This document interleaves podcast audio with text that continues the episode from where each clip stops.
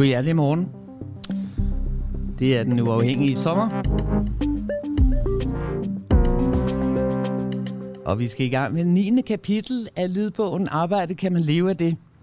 Og til det har jeg øh, fundet en øh, medredaktør, der hedder Andreas Røbstorff. Godmorgen, Andreas. Hvor er du i verden? Jeg sidder på Helnes nede på sydspidsen af Mols, øh, udenfor i solen og blæsten. Så hvis der er lidt larm, så er det fordi, øh, der er lidt uroligt omkring mig. Du er både professor og professor, så jeg. Der, der, der, der, jeg var inde og kigge for at sige de, dine rigtige titler, og så stod der professor og professor. Kan man, er, bliver, man, bliver man både professor i, øh, i antropologi og i øh, biologi? Nå, det, det, ah, professor, det er man nu kun en gang, og okay. det, det ved jeg ikke lige, hvor, hvordan det har stået. Øh, og det er man ligesom for, for, for, for de ting, man gør. Øh, men der er så nogle, kan man sige, professorater, som ligger nogle lidt øh, skæve steder ind imellem sådan mere klassiske discipliner. Og jeg er sådan en, som ligger lidt et skævt sted. Øh, så, men professor, det tror jeg nu kun, man er en gang. Så, så mellem øh, hvilke øh, lige steder ligger du, så du ligger skævt? Ja, men øh, sådan helt tilbage fra jeg læste, der kunne jeg ikke rigtig beslutte mig for, om jeg var humanist eller naturvidenskabsmand. Så jeg har en baggrund i antropologi og biologi, og har sådan, øh, siden jeg læste, prøvet at grave en niche ud for mig selv, sådan imellem de to discipliner. Øh, og det er sådan et sted at være, hvor man står med en fod solidt plantet i to forskellige lejre. Jeg har hørt en skøn beskrivelse, som du selv er kommet med som uh, antropolog. Uh, plejer man at drage ud i verden for at kigge på folkeslag? Du drager mm. ind i hjernen for at kigge på uh, mm. viden og vaner, hvordan det påvirker hjernen. Ja. Yeah. Andreas, uh, jeg har skrevet et kapitel til dagens uh, historie. Og uh, jeg har tilladt mig, at, uh, at du er med som, uh, som gæst. Jeg har ikke lige spurgt dig, men... Uh, du kom nu øh, en gang gående ind i stuen, da jeg var i gang med at skrive. Det hedder det 9. Det 9. kapitel, de tibetanske guldrødder. De tibetanske guldrødder, de er helt slatne, og jeg er for dårlig samvittighed. Guldrødderne, de er ikke blevet spist i tide, og nu er de helt døde. Og det er selvom tibetanske munke virkelig har sunget for dem gennem hele deres opvækst. Jeg lægger dem i vand, altså guldrødderne, og håber på et mirakel. Inde i stuen er dagens gæst ved at skrive vidigheder. En hjerneforsker og øh, Dalai Lama kommer ind på en bar, og hjerneforskeren bestiller bevidsthed på flaske, og tjeneren siger, at det er desværre helt udsolgt, det der bevidsthed på flaske. Nå, siger Dalai Lama, han kan da bare få en af mine. Jeg har så mange af dem. Andreas skriver og skriver, og jeg kan høre på tasterne, han skriver, hvordan forestiller du dig fremtiden? Altså ikke tænker, men forestiller. Jeg spørger, om han vil med på tur. Hunden og jeg vil ned i bunden af mosen og nyde den skønne aften. På en betingelse, at vi ikke siger et ord. Det kan vi kun være enige om. Lad os fjerne os fra de mange indtryk som muligt, og lad tankerne fare. Der står en gammel slidt slave havestol på mit yndlingssted, og der sætter jeg mig og tænker over dagens kapitel. Forestil dig fremtiden. Er det en positiv historie, eller er det en grimmer en? Dørmanden i min hjerne vil have svar på, i hvilket lys jeg ser fremtiden. Vi skal jo lige vide det, så vi sender dig det rigtige sted hen, siger han. Okay, der er flere muligheder. Jeg giver mit humør et gang lak. Pessimist, ikke et hak. Fremtiden ser lys og dejlig ud, siger jeg. Kig på os, siger mirabeltræerne. Øh, ja, mirabeltræerne findes, siger jeg, mens det slår mig, at den kolde maj måned uden insekter har skabt et povert resultat af de små grønne blommer på grenene. Ha! Der fik vi dig, siger de. Kapitalist, du ser jo bare investering, der er gået galt. Om igen. Du skal stoppe med at tænke nutiden ind i fremtiden. Skal du have hjælp? En livline? Hver ting til sin tid. Det hjalp jo ikke meget. Hver ting til sin tid. Hvilken tid er vi i lige nu? Ifølge min turkammerat har der været stenalder og bronzealder i alle aldre, og nu siger han, at vi er i hjernealderen. Jeg har hørt om mange hjernespind for fremtiden. Vi har kun opdaget 5% af det hele på en god dag, så der er plads til mange timers arbejde, før vi har kortlagt det hele. Der er muligheder for ikke bare universer, men multiverser, for parallelverdener, for evigt liv og fulde fem. Jeg har hørt, at videnskaben og dyderne i mangel af bedre mødes og sød musik opstår. Men hvad kunne jeg forestille mig? Ah, min første indskydelse er, at vi i fremtiden får mulighed for at skifte bevidsthed. Jeg kunne forestille mig at være en svane, der flytter skyer med vingerne, eller være en rose, der springer ud. Og navigere som en flagermus om natten, og kunne se en mus på kilometers afstand med mit ørneøje. Og måske tale alle naturdialekter. Ikke bare som i en god VR-brille, nej, nej, hele sensationen af at være et andet menneske, eller et andet væsen. Det vil være en fantastisk fremtid. Mm, ja, yeah, siger mirabellerne. Det er, hvad det er. Alting til sin tid. Inde i køkkenet har de tibetanske gulerødder fået nyt liv. De strutter af sundhed og siger, det var dejligt med et koldt bad. Tak for hjælpen, og giver du en godnatsang? Min sorte samvittighed er væk, og jeg kan begynde på dagens kapitel. Andreas, ja, fortæl, mig, fortæl mig en gang. Jeg synes, du er god til at skrive vidigheder. Andreas, øhm, fortæl mig lige, det der med at sætte sig ind og øh, tænke om fremtiden. Mm. Kan du, kan du lige kort, inden vi går i gang med sådan programmet, øh, fortælle lidt om, hvad det er? Jamen, jeg tror, må, må jeg starte et andet sted? Ja, meget gerne. Fordi det var, øh, altså tusind tak for din øh, super fine historie. Jeg er meget bedre over at være i den, og, og dine vitser. de, de vitser, jeg har skrevet der, er meget bedre end dem, jeg kan finde på til daglig. Så det var jo fantastisk at få superkræfter via en øh, anden persons bevidsthed.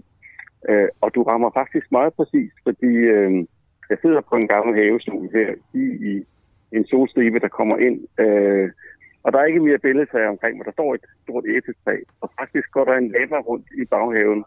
Øh, det er godt nok en firebenet en med en lang hals, men den skuer sådan meget øh, sendagtigt ud over landskabet. Øh, og her, hvor jeg sidder, øh, er faktisk et, øh, sådan et øh, buddhistisk sted på Hellenæs, på det sydlige, øh, øh, på det sydlige, sydlige Djursland.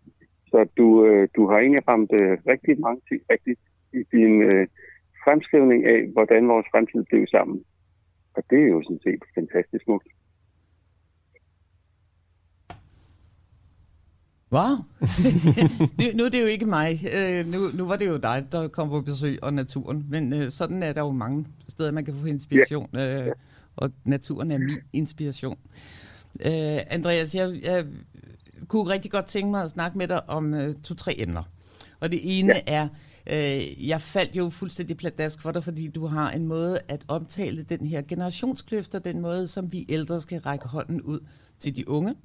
Øh, mm. og, og da det handler om arbejde, kunne jeg godt tænke mig, at, at vi puttede det i arbejdsmarkedets relationslyset. Ja. Øhm, og øh, så det der med arbejde eller viden, altså at, at den viden, du putter ind, faktisk ændrer din hjerne fysisk. Mm. Og til sidst ja.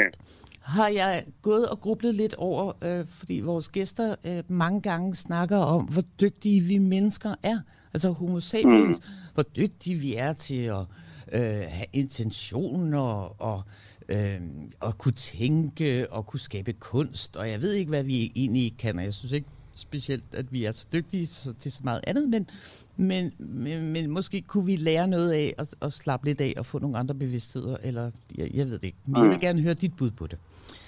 Men jeg kunne godt tænke mig at høre for nu og, og sige, jeg har jo Tobias i studiet. Ja. Tobias er producer og redaktør, og vi har talt nogle gange om det der med generationskløft, som jeg ikke rigtig synes, jeg har hørt om i de sidste 20 år. Ikke på den måde, som jeg hørte i dag. Og jeg har hørt dig sige, uh, Andreas, uh, her til, var det folkemøde i, i på Bornholm, at du håbede, at den her sommer ville være en, hvor de unge kom ud og festede og fyrede den rigtig, rigtig meget af, fordi nu havde de ja. været indespærret i halvandet år. Mener du stadigvæk ja. det, og er der boombox i nærheden af dig? Ja, det, hvis vi, jeg mener virkelig, at øh, der, der, øh, der er brug for nogle fester hos de unge.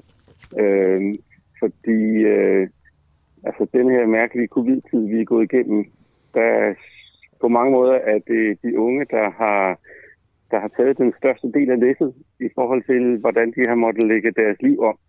på et tidspunkt, som er fuldstændig følsomt for, hvordan man kommer videre med det, man nu går og roder med. Øh, og samtidig er det dem, der har taget rigtig meget af flakken og ligesom øh, beskyldningerne for ikke at opføre sig ordentligt. Øh, så jeg synes, øh, vi som de ældre skylder i den grad øh, de unge at øh, give dem den plads, de øh, den mere ungdomsgeneration rettet en tager til sig selv øh, til at komme ud og få udforsket verden, øh, og samtidig få øh, ja, festet igennem, kan du sige. Men det at feste igennem er bare et spørgsmål om, at man øh, bringer sig i nogle situationer, hvor øh, kaos kommer vægten ind til en på en rigtig, rigtig fed måde. Øh, der er ingen boomboxe omkring mig lige nu. Tværtimod er der virkelig stille. Øh, fordi som sagt er det sådan et øh, retreat sted hernede på den sydlige del af Hellenæs, som, øh, som ligger virkelig isoleret. Øh, så der, der er ikke meget fest i gaden lige omkring. Øh, men øh, det tror jeg, der er andre steder. Men der har snakket lidt om, at, at, at hvis de unge øh, ikke bliver hørt, øh, lige nu mm. er de meget øh, venlige og strækker hånden frem, ja. og øh, er jo også rigtig, rigtig godt uddannet. Men at ja. øh, det er jo ikke sikkert, at de bliver ved med at... Øh, de bliver ikke sikkert, at de bliver ved med at strække hånden frem. Hvad, hvad tænker du om det? Jamen, jeg tænker jo, at, øh, at øh, den generation af unge, øh, som øh, ligesom er man de der 15 og 25 eller 15 og 23, der hvor modtrækker grænsen 15 og 25 måske, har jo vist sig at have et, øh, et enormt sådan, øh, kan du sige, venligt og indbydende øh, samfundssind, også over for os ældre, at øh, den værste kritik, man næsten kan blive mødt med, er sådan en øh, okay humor, ikke? som er en sådan, øh, du er gammel i hovedet, og du burde egentlig godt vide det, øh, og vi gør dig høfligt opmærksom på det, men øh, så gør man ikke mere end det. Øh, tidligere generationer var jo nok ind øh, på gaderne i oprør og med ballade, ikke? Øh, så hvis der er noget, som kendetegner den her ungdomsgeneration, at de næsten tager, tager ansvaret ikke bare for sig selv, men for alle andre utrolig meget på sig. Øh, og det er selvfølgelig enormt smukt, at øh, man gør det i en øh, ung alder. Men øh, det er sørger ikke sikkert, at øh, vores såkaldte nok generation ville have gjort det samme. Der var nok snarere kommet nogle fingre til det gamle, hvis man var blevet udsat for det her. Øh, og det kræver selvfølgelig en form for, øh, hvad kan man sige, den, den, den form for respons øh, fra de unge, skal man jo passe på, at man ikke øh, misbruger eller overdriver eller flytter et andet sted hen. Tværtimod så bør den være et spejl over for en selv og ens egne handlinger. Det er vel det, som den grundlæggende inviterer til, med sådan den der venlige okay boomer. Ikke? Hver gang man hører den, så skal man lige se efter og sige, hvad var det lige for en forskydning, det tilbød på en selv og ens måde at navigere i verden på. Hvordan ændrer så, man, øh, hvordan ændrer, øh, hvis du siger, at nu kommer man over og er en af de midalderne eller gamle, har vi jo allerede øh, fået nogle vaner. Og ja. hvordan ændrer man øh, sine vaner uden at bruge for meget energi? Mm. Ja, ændrer man sine vaner? Det er jo notorisk enormt svært at ændre sine vaner. Øhm, og det kan kræve rigtig meget energi at gøre det. Øhm, den bedste måde at ændre vaner på, det er jo ofte at, at lave nogle nye vaner. Ikke? Lave nogle øh, ganske små forskydninger, som øh, man gør regelmæssigt, som gør lige pludselig, så de vaner, der var der før, de er blevet erstattet af nogle nye. Øh, og på en måde har de her sidste halvandet år har jo været en rigtig god anledning til lige at få sine vaner, fordi der er så mange plejer, man ikke kan gøre. Øh, det med at ændre sine vaner ved bare at lave noget om, det fører sjældent noget godt med sig hvis ikke det kommer ind i nogle nye systemer. Fordi så ligger de gamle vaner bare lige, lige nedenunder. Så den bedste måde at ændre vaner på, det er at lave sådan nogle nye. Så hvis jeg plejer at sige, at jeg vil have lov til at spise, øh, hvis vi snakkede om øh, klimaet og de unge versus de gamle, og jeg sagde, at jeg vil have lov til at spise kød med morgen, middag og aften, så hvad skulle min øh, min ændring være der? Skulle det være øh, rent faktisk at lade være med at spise kød, eller bare sige noget andet, eller lade være med at sige noget? Kan du skrue en lille smule op for din lyd, fordi jeg kan næsten ikke høre dig her. Er det bedre sådan her? Ja, det er lidt bedre. Og hvis du lige vil gentage det sidste, fordi du faldt simpelthen ud her i blæsten. Ja, jeg øh, prøver at huske, hvor jeg øh, kom fra. Jeg siger, hvis man skal ændre sine vaner, og man, og man tillader sig at sige, øh, jeg vil spise kød morgen, middag og aften, hvis vi snakker om klima, skal man så øh, holde op med at spise kød? Er det den vane, man skal ændre? Øh, skal man lade være med at sige det, eller skal man bare tige stille og lade være med at, at, at føle sig provokeret? Ja, det er en rigtig god vane at tage fat i, den der med maden. Ikke? Øh, og øh, det er også en vane, som der i den grad er en generationskonflikt øh, imellem. Vi bliver i hvert fald udfordret af, af vores unge i familien til, hvorfor, hvorfor er det lige, du spiser kød nu, eller er det nu også nødvendigt, og skal man nu gøre det? Øh, I forhold til maden, hvis det er den vane, vi kigger på, der er det bedste sted at begynde, er måske at, øh, at ligesom indbyde sig selv ind på den rejse, det er at udforske smagsuniverser, der ligger bare lige lidt ved siden af dem, man plejer at færdes i forhold til. Øh, ikke fordi, at det skal i første omgang blive en, en sådan bis... Hvordan skal man sige det? Det, der jo sker i øjeblikket på madområdet, ikke, det er, at pludselig så øh, er der en enorm kreativitet omkring, at mad kan være på så mange andre måder. Øh, der er så mange ting, man kan spise. Der er så mange måder, man kan tilberede den på. Og de behøver ikke at tage udgangspunkt i kødet som det første, hvor man så putter lidt øh, sovs og lidt kartofler og lidt grøntsager rundt omkring. Så den vane, der hedder den, den tror jeg, man allerbedst så at sige, tager fat i ved at begive sig på den rejse, det er at sige, hvad nu hvis jeg spiser en lille smule anderledes? Og ikke bare gøre det på den måde, jeg plejer at gøre det på, men faktisk lade sig tage i hånden af nogle af dem, der bevæger sig ud i det landskab, hvor man kan spise anderledes. Øh, pludselig så er det så bare en øh, ny vane, at øh, det bekøder ikke dagligdagen, men det er måske det, der kommer ind til festen eller særlige lejligheder, eller måske slet ikke bliver, bliver brugt længere. Så øh, når man skal lave en ny vane som, som mad om, så er det altså rigtig godt at øh, tage, tage nogen i hånden, eller blive taget i hånden af nogen, som egentlig er i gang med en rejse et andet sted hen, og bevæge sig ud i det.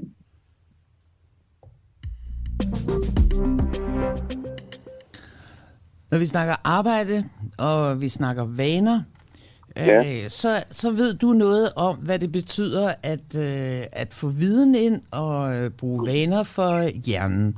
Er der noget, mm. hvor du mm. tænker, øh, der kunne vi godt blive nogle bedre ledere eller bedre medarbejdere, hvis vi nu øh, enten fik noget viden ind, eller øh, ændrede nogle vaner? Ja, men på arbejdet har vi jo i den grad fået erstattet nogle nye vaner, nogle gamle vaner med nogle nye vaner her det sidste halvandet år. Ikke? Altså hele den der idé om, hvad et arbejdsliv er, at det er noget med, at man øh, møder ind, og øh, man øh, sætter sig sit, på sit kontor, og man øh, er det et ekstra antal timer, og man går hjem igen. Ja, for de fleste af os er blevet fuldstændig vendt rundt øh, det sidste halvandet år her. Ikke? Og det man jo opdagede er, at man altså arbejdslivet kan i virkeligheden fungere på rigtig, rigtig mange andre måder, end det man kender i forvejen.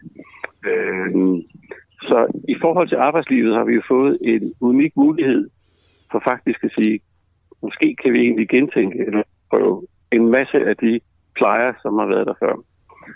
Den store udfordring, tror jeg, for min eget vedkommende, og det jeg hører fra mange andre også, har været, at det vi har været rigtig gode til i vores så at sige, nye arbejdsliv, er at øh, fastholde den vane, der hedder produktivitet og øh, struktur og orden, som bygget op omkring de her møder, der kommer i en lindstrøm, hvor den ene tager den anden. Men nogle vaner, der faktisk har vist sig frygtelig vanskelige at øh, tage med over i den her nye form for arbejdsliv, vi har stået med. Det er den vane, der hedder, at man øh, lige mødes ved kaffemaskinen, eller man lige får en øh, sludder med hinanden om, hvad er der på spil, eller hvad er det ellers, der foregår. Så der har der været en, øh, kan man sige, i den her vaneomlægning, vi har stået i, øh, så har der været en sådan øh, næsten naturlig logik, at øh, nogle af de vaner, der er gået med videre, det er den, der handler om planlægning og styr på den. Men nogle af de vaner, der faktisk har været vanskelige at få genetableret eller få etableret for ny, det er de rum ind imellem den struktur, der er der, som øh, er dem, hvor øh, nye idéer kan opstå og kreativiteten kan komme på spil. Jeg tror, der er rigtig mange der organisationer og mennesker, der står med en øh, oplevelse af, at øh, driften er faktisk gået virkelig godt, men øh, innovationen har været hårdt presset. Og hvordan sørger man for at etablere de innovative vaner eller rum for, at det kan ske ind i den her nye virkelighed? Det er nok det, vi først og fremmest står udfordret på nu.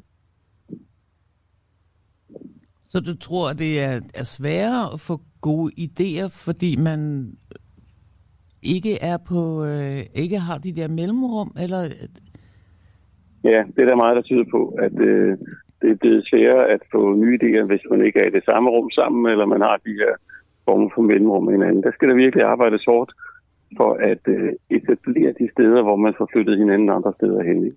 Hvor, Men altså, driften har jo virkelig gået godt i den her form for virkelighed, vi har haft nu. Tror jeg til alles overraskelse. Men tror du ikke, at det, det hjælper nogen, at de er alene? Øh, ja. Jeg havde engang øh, en fantastisk chef, som desværre ikke ja. er her mere. Han øh, hed Michael Bundesen og var forsanger mm. for Shubidur. Og han mm. var chef for Kanal 2. Og han fik mm. et ordentligt...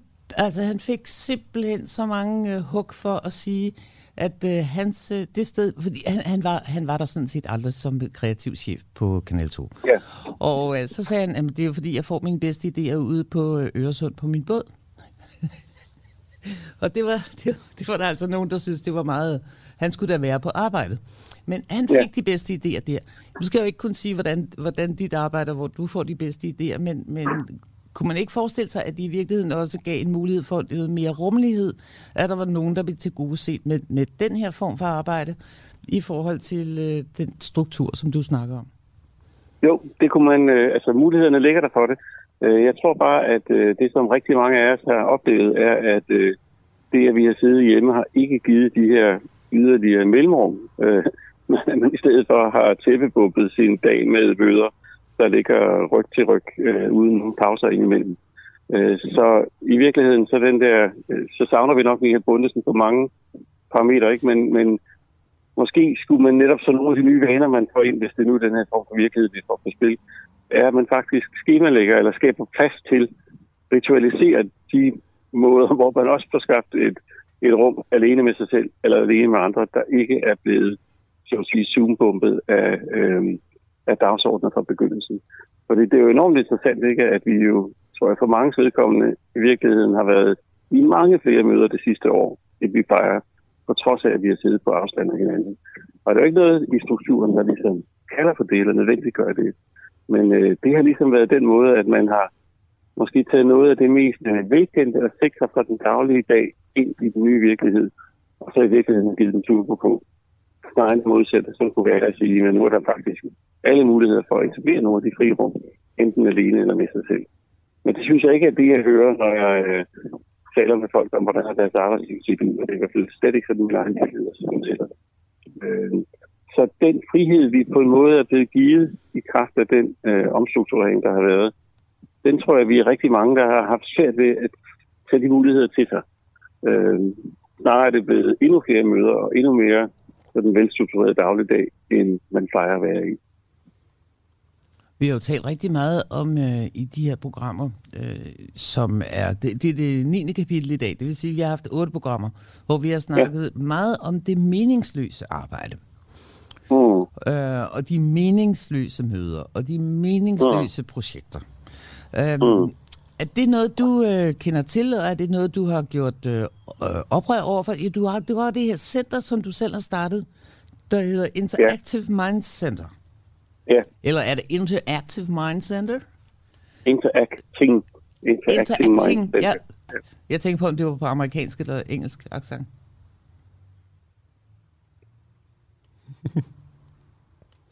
øh, øh, Andreas?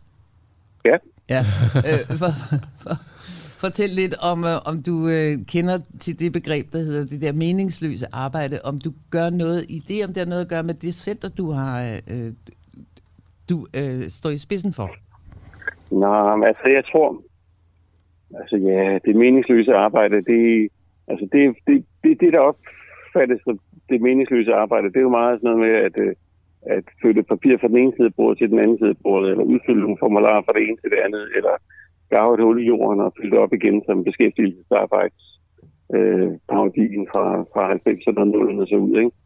Øh, jeg tror egentlig, der er blevet ryddet op i rigtig meget af den form for arbejde, der ikke har nogen mening. Altså, øh, også fordi nutidens arbejdskraft er så effektive og restriktive, at det er simpelthen så dyrt at have det. Øh, jeg tror, det man står måske mere over for nu, øh, det er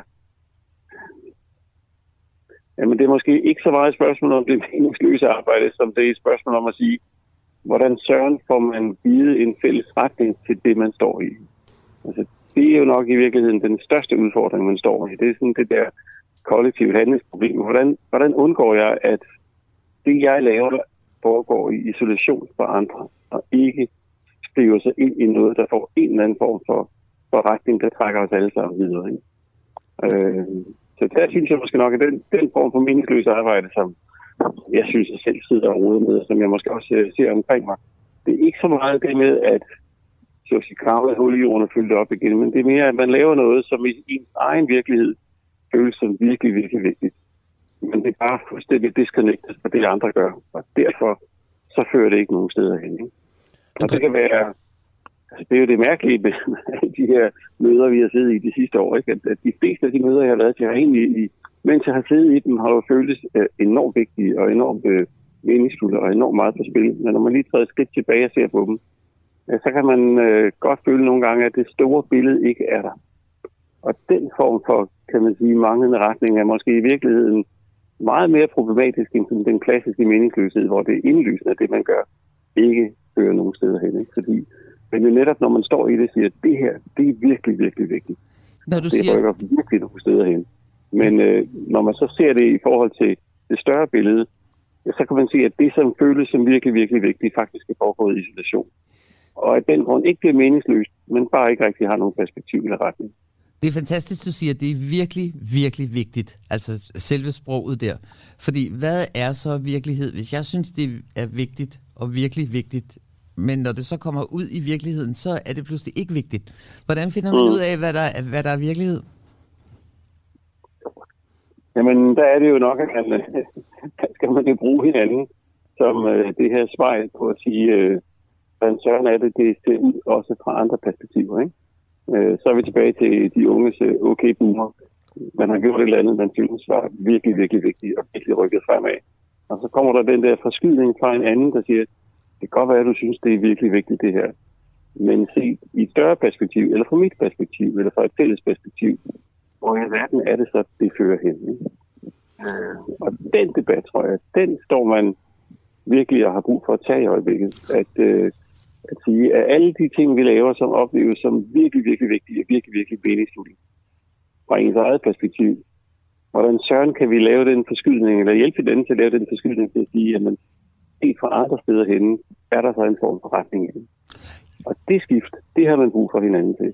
Og det er faktisk virkelig, virkelig vanskeligt at lave, når man sidder der bag sin skærm og sidder sammen med andre midt i noget, som man nu her synes er virkelig, virkelig vigtigt. Så det er sådan en anden version af, af Sisyphus-historien. Øh, det er ikke det her sådan helt indlysende, man bærer en sten op, og så ruller den ned, og så bærer man en sten op, så ruller man den ned. Nej, man bliver ved med at bære sten op, og man bygger, og man bygger, og man bygger. Men øh, det, der kommer ud af det, fra et andet perspektiv, eller et større perspektiv, eller i virkeligheden ens eget perspektiv, bare skubbet et andet sted ind, ja, det står måske tilbage til noget, hvor man tænker, det er sgu ikke det, jeg er mest stolt af. Jeg har virkelig, virkelig mange gange oplevet at øh, komme med en idé, og så er der nogen, der har sagt, at det er en virkelig, virkelig dårlig idé. Det er jo mm. lidt det, øh, er det ikke bare hovedet på sømmet, og at, øh, hvordan man ens egen virkelighed er, og hvordan hans andre. Hvordan kommer man videre? Fordi jeg kan jo godt se en idé, og det kan den anden ikke, men hvordan, hvad, hvad, hvad gør man der? For nu bare at sige, hvordan kommer vi det første skridt hen i den dialog, du snakker om, mangler? Ja, det ved jeg ikke rigtigt, om, om, man har, om jeg har et godt eller, øh, eller generisk øh, svar på. Altså, øh, en af de gode måder at gøre det på, som jeg synes, jeg lærer meget i øjeblikket af, af nogle af mine kolleger, der arbejder med sådan nogle, øh, øh det man kalder tinkering-processer, det er jo at prøve det af, ikke også? Øh, altså faktisk få lavet sådan nogle, nogle simple versioner af noget, og få sat det ud i verden og se, om det gør en forskel. Og så etablere et rum, hvor man lige får kigget på og siger, kom der faktisk noget ud af det? Altså, øh, så på en måde, den måde, man, en måde at komme ud af sit eget selvspind på, det er jo at få sat noget ud i verden, som man kan tage en lille smule afstand til. Og så kan man enten selv eller oftest bedre sammen med andre kigge på det og sige, at den retning der fører den faktisk nogle steder hen, hvor der, som man er stolt af, eller som man er glad for. At det er noget, der trækker noget med sig. Øh, så måske er et af springene i det, det er sådan en, en så at sige, væksten imellem at være på bolden og være væk fra bolden, eller lade bolden tage sit eget liv, eller lade det, man nu sætter i værk, få sit eget liv. Og så at den vej kunne se, om den gode idé også var en god idé, eller den dårlige idé måske i virkeligheden var en god idé. I mange tilfælde kan det faktisk først vurderes, når det kommer ud i verden og sætter sig nogle spor. Tror du, man i, tror du, man i fremtiden kan lægge en, en idé ind i en scanner og se, om det er en god idé? Nej, det er fuldstændig overvist om, man ikke kan. Øh, fordi idéer findes, øh, det kan godt være, de føles i hovedet, men øh, de viser deres værd i verden, og de viser deres værd i den måde, som øh, verden svarer tilbage på dem på. Og øh, de viser oftest øh, først deres værd, når der bliver handlet på dem. Øh, og der kan man sige, at altså, scanner er jo fantastiske instrumenter til nogle ting. Men noget af det, der er rigtig svært at gøre i en scanner, det er at få verden med ind i den. Og særligt at få vores handling i verden med ind i den. Så der er en tendens til, at øh, altså, der er det der klassiske saying, ikke? Jeg siger, øh, hvis du kun har en hammer, så ser det ud som om, at hele verden består af søvn. Øh, og det form for værksted, som en scanner er, det er jo en, hvor man øh, så at sige, bliver bedt om at lægge musestille øh, i et øh, meget isoleret og forudsigeligt rum, og så gøre nogle ting, som man er blevet bedt om at gøre. Og det kan man få meget viden ud af, men det er en rigtig dårlig analogi for det, det er at handle i verden. Så hvis man ligesom vil bruge den viden, man kan få som fra en scanner, som den eneste model til at forstå de her processer på, så har man et problem. Fordi verden svarer ikke igen, og man har ikke mulighed for at handle i forhold til dem. Og de andre har ikke mulighed for at handle i forhold til dem.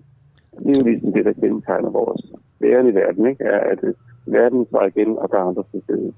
Øh, og gode idéer, de viser altså deres værd der, og ikke i det, der foregår i hovedet på den enkelte.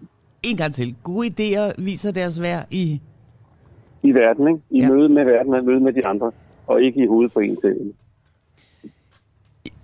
Vi har en øh, cirka en halv time tilbage, og øh, mine tidligere gæster har talt meget om, hvordan øh, homo sapiens, altså vi men, den, den her menneskeart, som, øh, som, som ligner dig og mig og Tobias, øh, mm. vi er fantastiske. Og vi yeah. kan øh, lave kunst, og vi kan skælne, og vi mm. har intentioner, og vi kan, yeah. jeg ved ikke hvad, vi kan øh, rigtig mange ting. Og jeg, og, jeg, og jeg synes, det er lidt ærgerligt, fordi der er ikke rigtig nogen hverken dyr, træ eller planter, der har været med til at udnævne os til det her fantastiske væsen. Nej. Det er ligesom os selv. Det er hjernen, der ja. har, har navngivet hjernen, ikke? Ja. Jo. Øhm, hvis, hvis, man nu skulle, hvis du nu skulle give et bud på, hvad homo sapiens er for en størrelse, hvor, øh, hvad er det så, vi kan, som så mange andre ikke kan? Det, som øh, vi kan, som andre ikke kan, er, at øh, vi kan dele vi kan dele vores indre liv med hinanden på måder, som nok ikke så mange andre kan. Øh, og vi kan sætte ord på vores indre liv på måder, som ikke så mange andre kan. Og i kraft af, at vi kan øh, dele vores indre liv med hinanden, så kan vi koordinere vores handlinger i verden på måder, som mange andre ikke kan. Og dermed så kan vi på en og samme tid leve i den verden, der findes, og alle mulige parallelle verdener ved siden af, som lige så vel kunne findes. De her parallelle verdener ved siden af, de er kun mine, de er faktisk vores. Undskyld, du faldt lige øh, lidt ud i en... Uh, der var en lama, der ja. pustede ind i, uh, i telefonen. Undskyld. Uh, alle de her parallelle verdener ved siden af den verden, der findes i mig lige nu, dem kan vi dele med hinanden. Og det handler utrolig meget omkring, hvad sproget og bevidstheden kan. Uh, men det handler også omkring de spor, vi sætter i verden, i kraft af, at vi kan gøre det. Så vores evne til at dele bevidstheden med hinanden er, så vidt vi ved det, helt vildt unikt for det, som øh, gør os til mennesker. Ikke? Og dermed så lever vi i mange parallelle virkeligheder på samme tid, som vi faktisk ikke er alene med. Kan, kan, kan du prøve at sætte et eksempel på, fordi du, du, øh, der er jo to ting, jeg skal spørge om. Hvad er en parallel verden, og to, hvad er bevidsthed? Mm. Fik du, øh, hørte, hørte du, hvad jeg sagde? Ja, vil du lige tage den igen? Ja, øh, når du siger, hvad du siger, så tænker jeg med det samme. Hvad er parallelverden? Og to, mm. hvad er bevidsthed? Ja, men øh, altså, der er jo ikke nogen enkelt svar på det. Men, men øh, det er jo fantastisk, at, øh, Jeg ved ikke engang, hvor du sidder henne, jeg ved, hvor jeg selv sidder. Jeg ved ikke, hvor du sidder. Men på, tværs, på trods af, at vi faktisk ikke deler det fysiske rum med hinanden, så kan vi øh, tale os ind igennem nogle bud på verdener, som måske, måske ikke kommer til at findes over en mærkelig elektrisk øh, enhed, jeg har i mit øre her. Øh, og dermed så, øh, så at sige, så mine forestillinger om, hvad der måtte komme til at ske, kan på en måde danne sig sammen med dine forestillinger om det i et øh, rum, som øh, ikke findes hos dig og ikke findes hos mig, men alligevel findes hos os begge to, og måske kommer til at findes hos den, der lytter sig frem til. På den måde kan du sige, så tager vores samtale sådan en, øh, en mærkelig bevægelse igennem de her rum af øh, verdener, som ikke findes her og ikke findes der, og alligevel findes imellem os og hos lytteren. Øh, og det er virkelig noget af det, som, eller, det er noget af det, som, som vores bevidsthed kan, ikke? er, at øh, den kan være rigtig mange steder på en og samme tid. Øh, både afspejler noget, der foregår i mig, men lige så meget påvirker det, der foregår i dig, eller den, der måtte høre på det. Hvordan ved man, at vi er de eneste, der kan det? Jamen, det ved man jo grundlæggende heller ikke. Øh, det er meget muligt, at, øh, eller det kan ikke udelukkes, at, øh, at øh, andre øh, arter eller dyr øh, kan noget af det samme. Øh, det der, man kan sige, sådan, i, i stigende grad, så flytter forskningen sig jo nok hen til at sige, at det der med at have indre tilstande, at have bevidsthed, at have en sansning om verden, det er på ingen måde et øh, menneskeligt privilegie. Det er formodentlig heller ikke et øh, pattedyrsprivilegie. Det findes mange forskellige steder. Øh, men øh, vi kan i hvert fald se hos os selv, at vi så at sige kan springe den enkeltes bevidsthed i vores interaktion med andre. Og det kan have været svært at se, om det samme foregår andre steder. Øh, så tilbage til de spørgsmål, er vi så fantastiske? kan man sige. Det er i hvert fald et sted, hvor vi i stigende grad kan se, at vi er fantastiske på. Men vi begynder måske nok i stigende grad at opdage, at øh, måske er der mange andre arter, der også gør noget tilsvarende. Ikke? Hvad, hvad kunne man bruge det til på øh, øh, arbejdsmarkedet? Øh, jamen, det, det vel betyder for arbejdsmarkedet, er, at øh, eller på karriere, eller på valg. Altså alt, alt det, der har noget at gøre med 8 timer om dagen, hvad jeg lige vil sige. Ja, altså perspektivet, altså fire ting i det, mener du det her med, at vi deler vores værker med hinanden, eller mener du spørgsmålet om, øh, om hvorvidt det kun er os mennesker, der gør det? Jeg mener, at hvis du øh, træder en lille smule ned fra den her, øh, hvad hedder det, præmieskammel, hvor der står nummer et, der står homo sapiens altid, vi får altid ja. guldmedaljer. Hvis vi nu trådte ned øh, og sagde, lad nogle andre komme til, at vi ville ja. få et innovativt perspektiv på verden, dermed også ja. på vores arbejde. Jamen, der er et super interessant eksempel omkring det, som er den her med vilje ting, der kører i øjeblikket. Ikke? øh, som er jo et spørgsmål om, at man siger, hvad nu hvis vi øh, i forhold til øh, den natur, vi omgiver os med, giver lidt slip på vores egne idéer om, hvordan tingene skulle være, og lade tingene vokse frem og sig i meget konkret forstand. Øh, og pludselig kan man se, at øh, det, som man tidligere synes var noget rod og en uslået græsplæne, har nogle øh, øh, dynamikker og nogle skønheder og nogle muligheder i sig, som simpelthen ikke kunne få lov til at spire frem, fordi hun skulle græsse for meget, eller så vejgrøft for meget, eller gjorde andre ting for meget omkring sig. Hvis du overfører den på dit arbejdsliv, jamen, så er det, og på et samfundsliv generelt, ikke?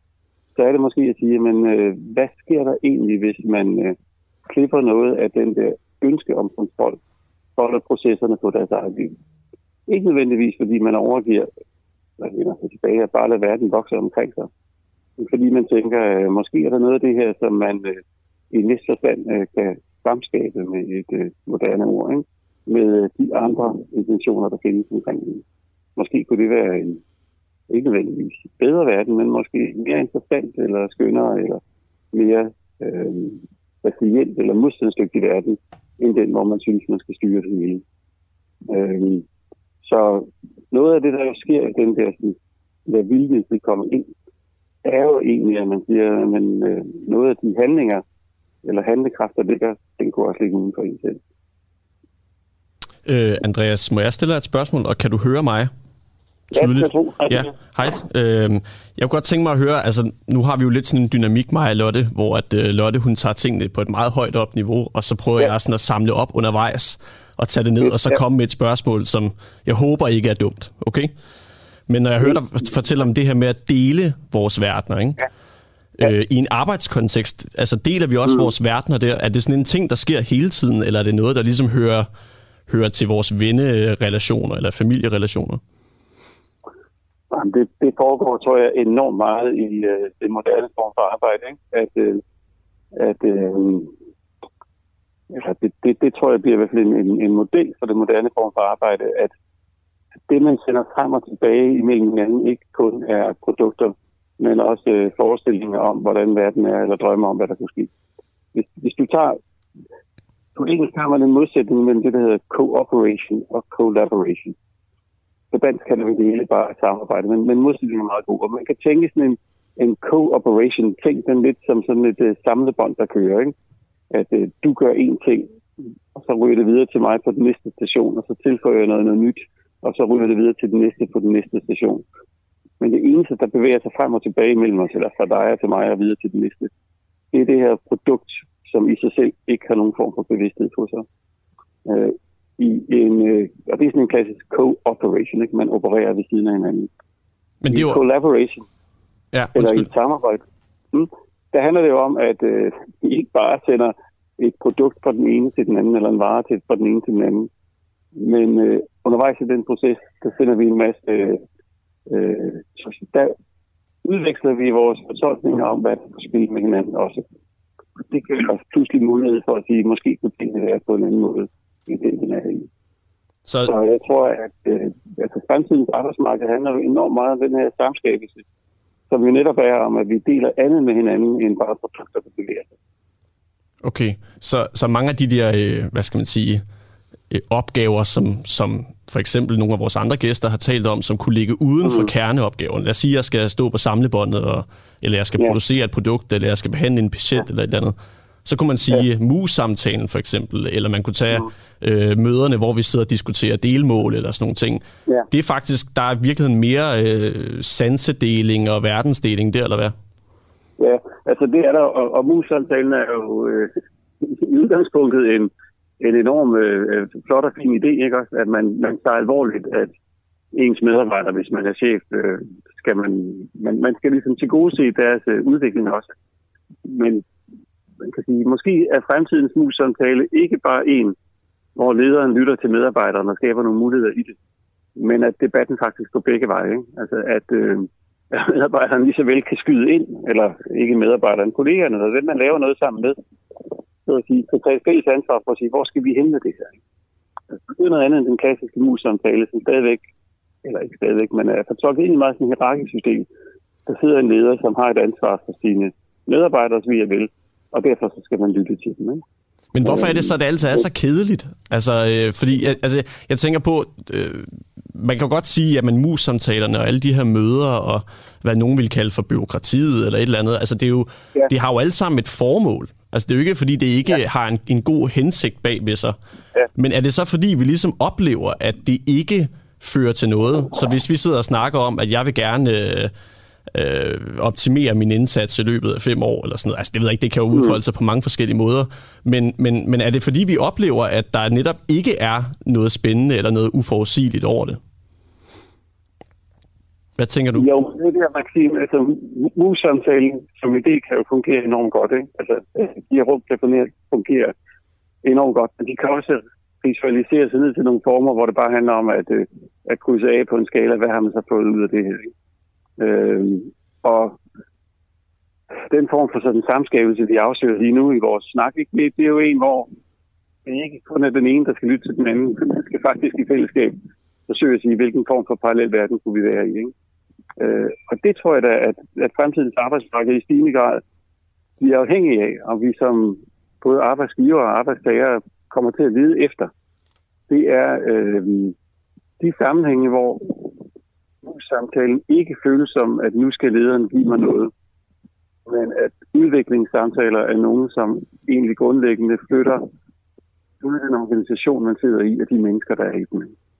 Øh, og det er jo en eller anden form for sådan en rewilding-proces, ikke? hvor man i virkeligheden giver fast til, at, øh, at handekraften, den ligger mange forskellige steder, og at øh, arbejdet går ud på at hjælpe hinanden til at finde ud af, hvordan Søren koordinerer de handlekræfter i forhold til hinanden, så man ikke står og laver sine egne ting, uden at være berøring med andre.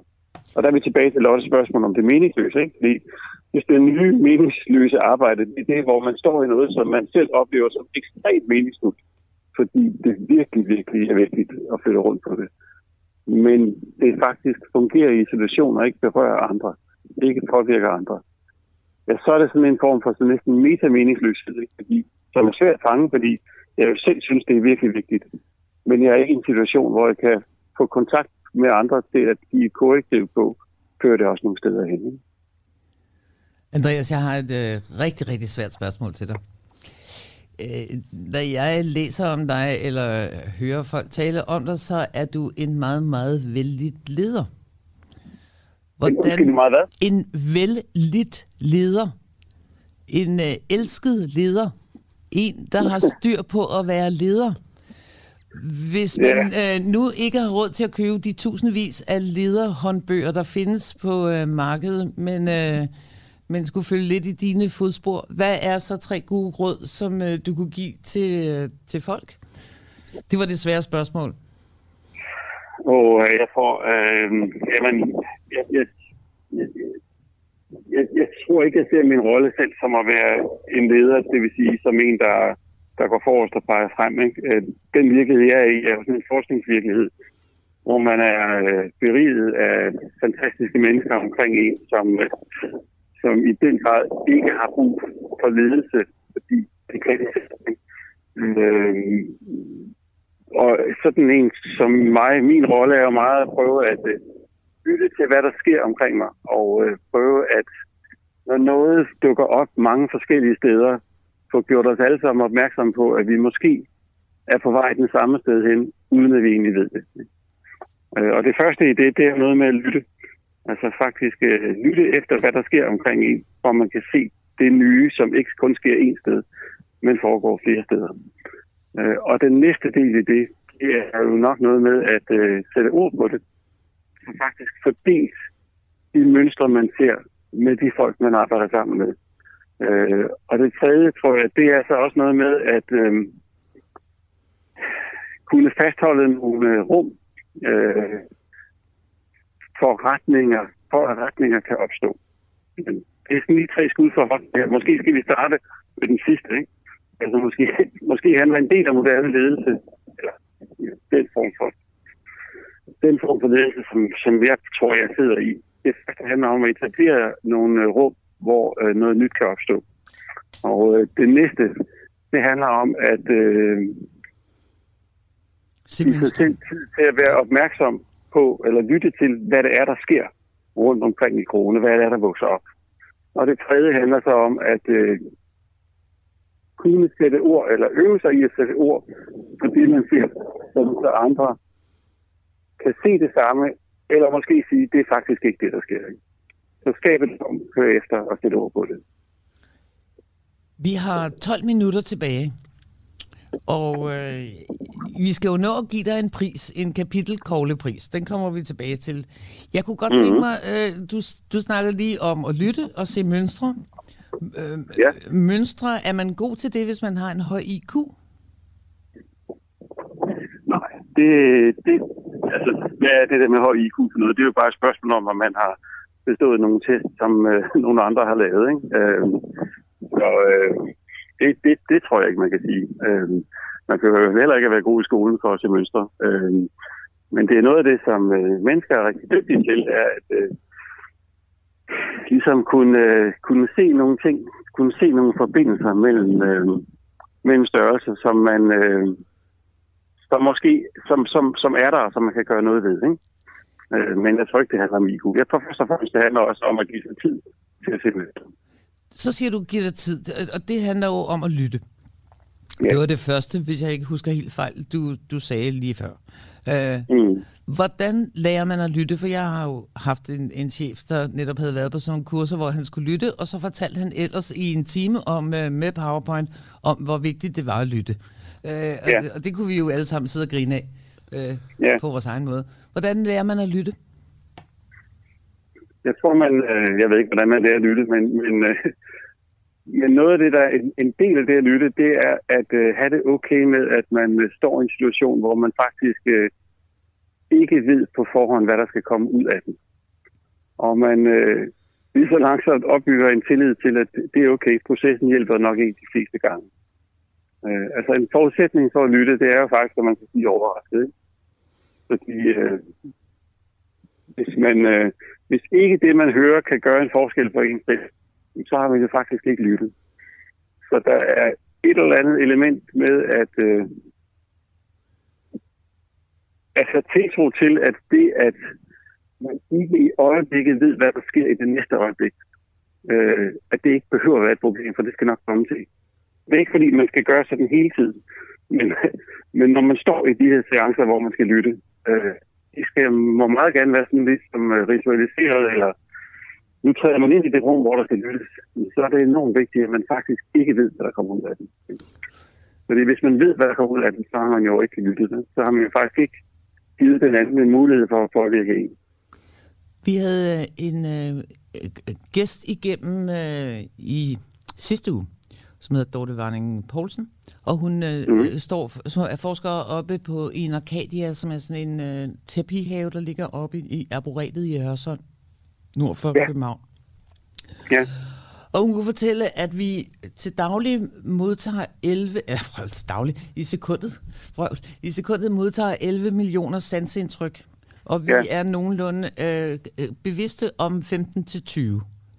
Mm. Lyttesansen er en af de her sanser, hvor, hvor vi, mm. vi optager. Er vi for dårlige til at bruge vores sanser? Altså når jeg tænker på, hvis vi får 11 millioner kroner, og kun finder ja. ud af at kunne fiske 15-20 af dem, så er, ja. er vi jo ikke særlig dygtige. Så ved jeg godt, Nej. der er noget, der ryger ind i underbevidstheden, men alligevel. Jamen, jeg tror... altså, så er vi tilbage til det der spørgsmål igen om, øh, hvordan Søren Ballen havde med de år. Øh, og det handler jo på en måde om at bruge indsatser, fordi en stor del af det, som hjernen har travlt med at tænke med i dag, det er hele tiden at prøve at forudsige, hvad der sker i næste øjeblik. Fordi hvis man har forudsagt, hvad der sker, så er der ligesom styr på verden.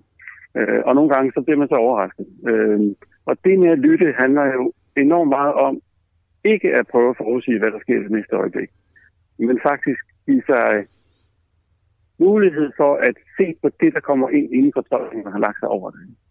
Øh, noget, nogen, der ved rigtig meget om det, det er, det er selvfølgelig folk, der arbejder i kreative processer, altså kunstnere eller andre. Vi, vi er sammen med en, en maler her for et par dage siden, øh, Udstine Knudsen, som, som sagde, at hun havde opdaget, at det var enormt svært for hende ikke bare at falde ind i de samme skure igen og igen, når hun stod foran læreren. Så hun havde ligesom måttet opfinde nogle små principper for sig selv, for at bringe sig ud af de vaner, som gjorde, at hun egentlig lavede noget, der mindede om det.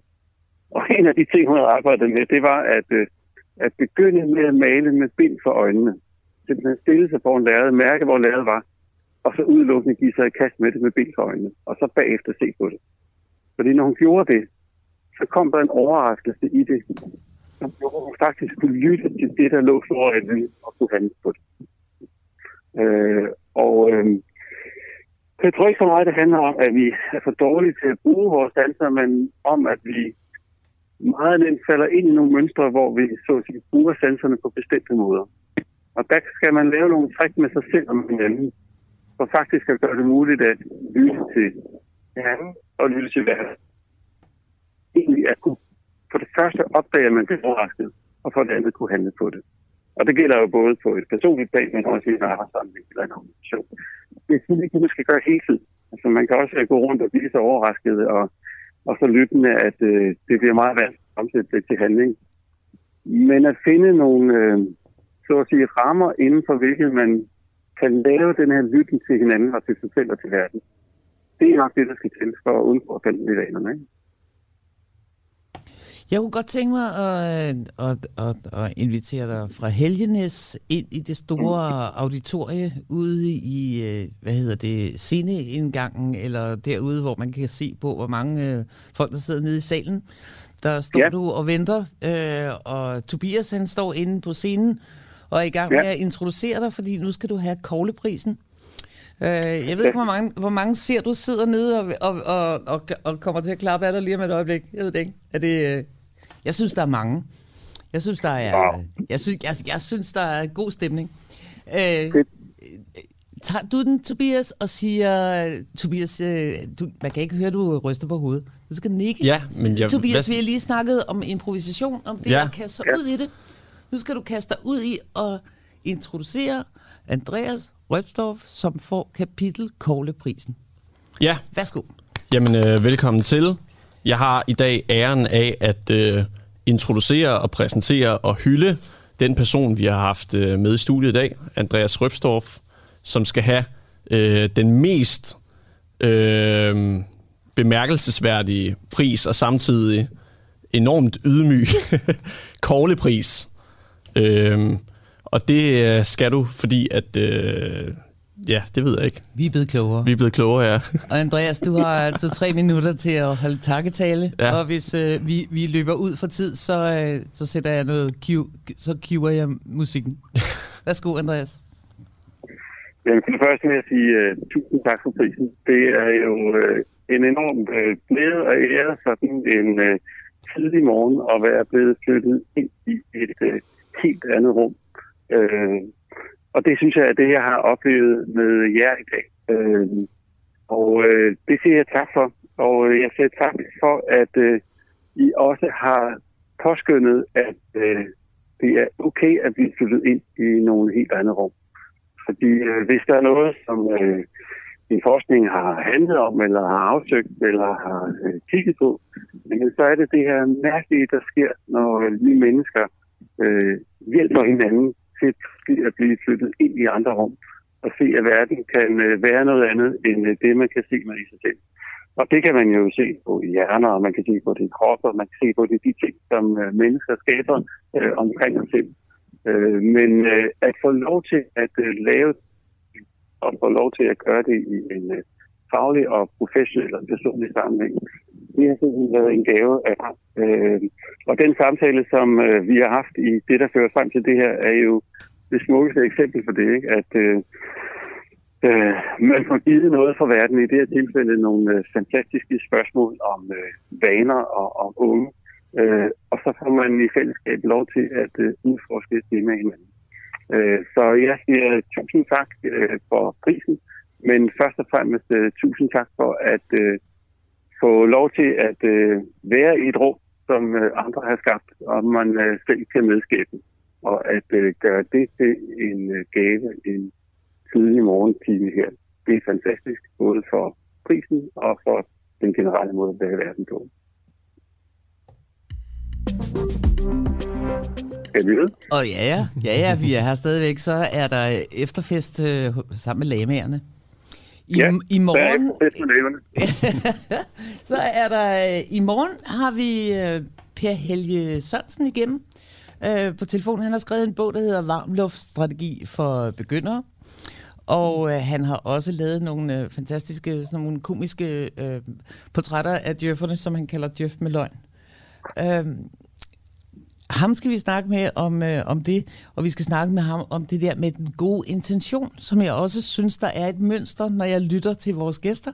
Der er nemlig et mønster, der handler om, at vi gør mange ting i den gode intention. Mm. Som så går helt som så bare overhovedet ikke bliver så godt, som uh, intentionen egentlig var. Mm. Og det kunne jeg egentlig godt tænke mig at snakke lidt med ham om. Uh, Andreas, tusind, tusind tak, fordi du øh, ville stå op og øh, nyde morgenen sammen med os. Tusind tak for de pæne ord. Jeg håber, at øh, jeg håber, at vi med de her programmer kan gøre sådan nogen som dig til rockstjerner, fordi jeg synes, I er, I er fantastiske at høre på. Tusind tak, og øh, tak for en øh, dejlig time i selskab med jer. Det havde været rart at sidde i det samme rum, men det kommer vi måske til en anden gang. Øh, tak for at øh, holde rummet og øh, for at øh, lytte og for at give retning til det. det er vel det, som lederskab handler om i dag. Det har I udvist fantastisk. Jeg er sikker på, at jeg kan forestille mig, hvordan det er at sidde i et uh, rum med dig på vejen hjem i min bil helt alene. Tusind tak for i dag. Tak Tobias Jul for at producere og redigere og stille spørgsmål. Tak til dig, Lotte Larsen. Vi er tilbage i morgen kl. 7.